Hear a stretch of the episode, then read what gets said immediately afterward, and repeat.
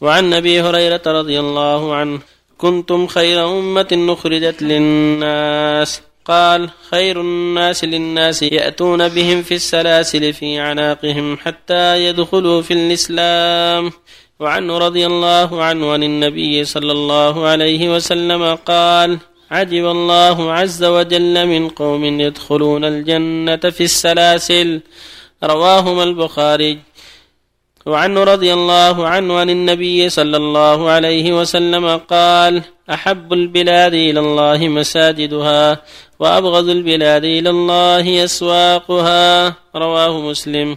وعن سلمان الفارسي رضي الله عنه من قوله قال لا تكونن إن استطعت أول من يدخل السوق ولا آخر من يخرج منها فإنها معركة الشيطان. وبها ينصب رايته.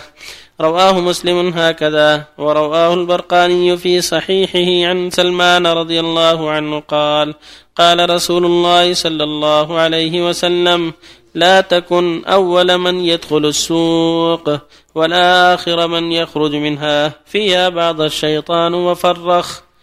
وبالله التوفيق. صلى الله عليه وسلم. بسم الله الرحمن الرحيم. الحمد لله. صلى الله وسلم على رسول الله وعلى آله وأصحابه ومن اهتدى بهن. أما بعد هذه الأحاديث الأربعة في أحكام متعددة.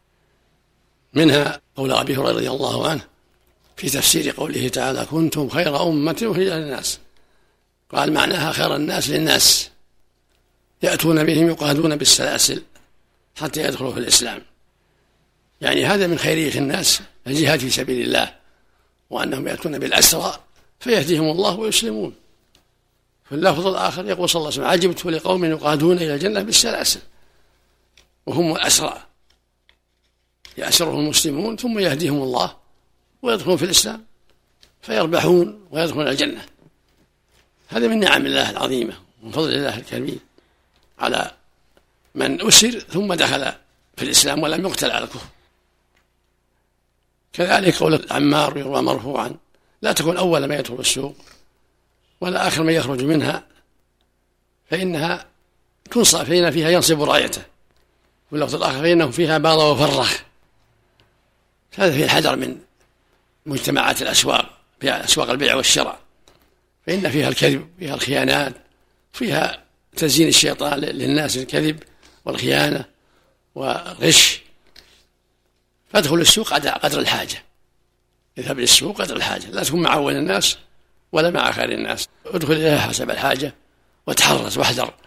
وساوس الشيطان وشره من كذب أو خيانة أو خداع أو تدليس أو ما أشبه هذا مما يقع للباعة الشر في الأسواق.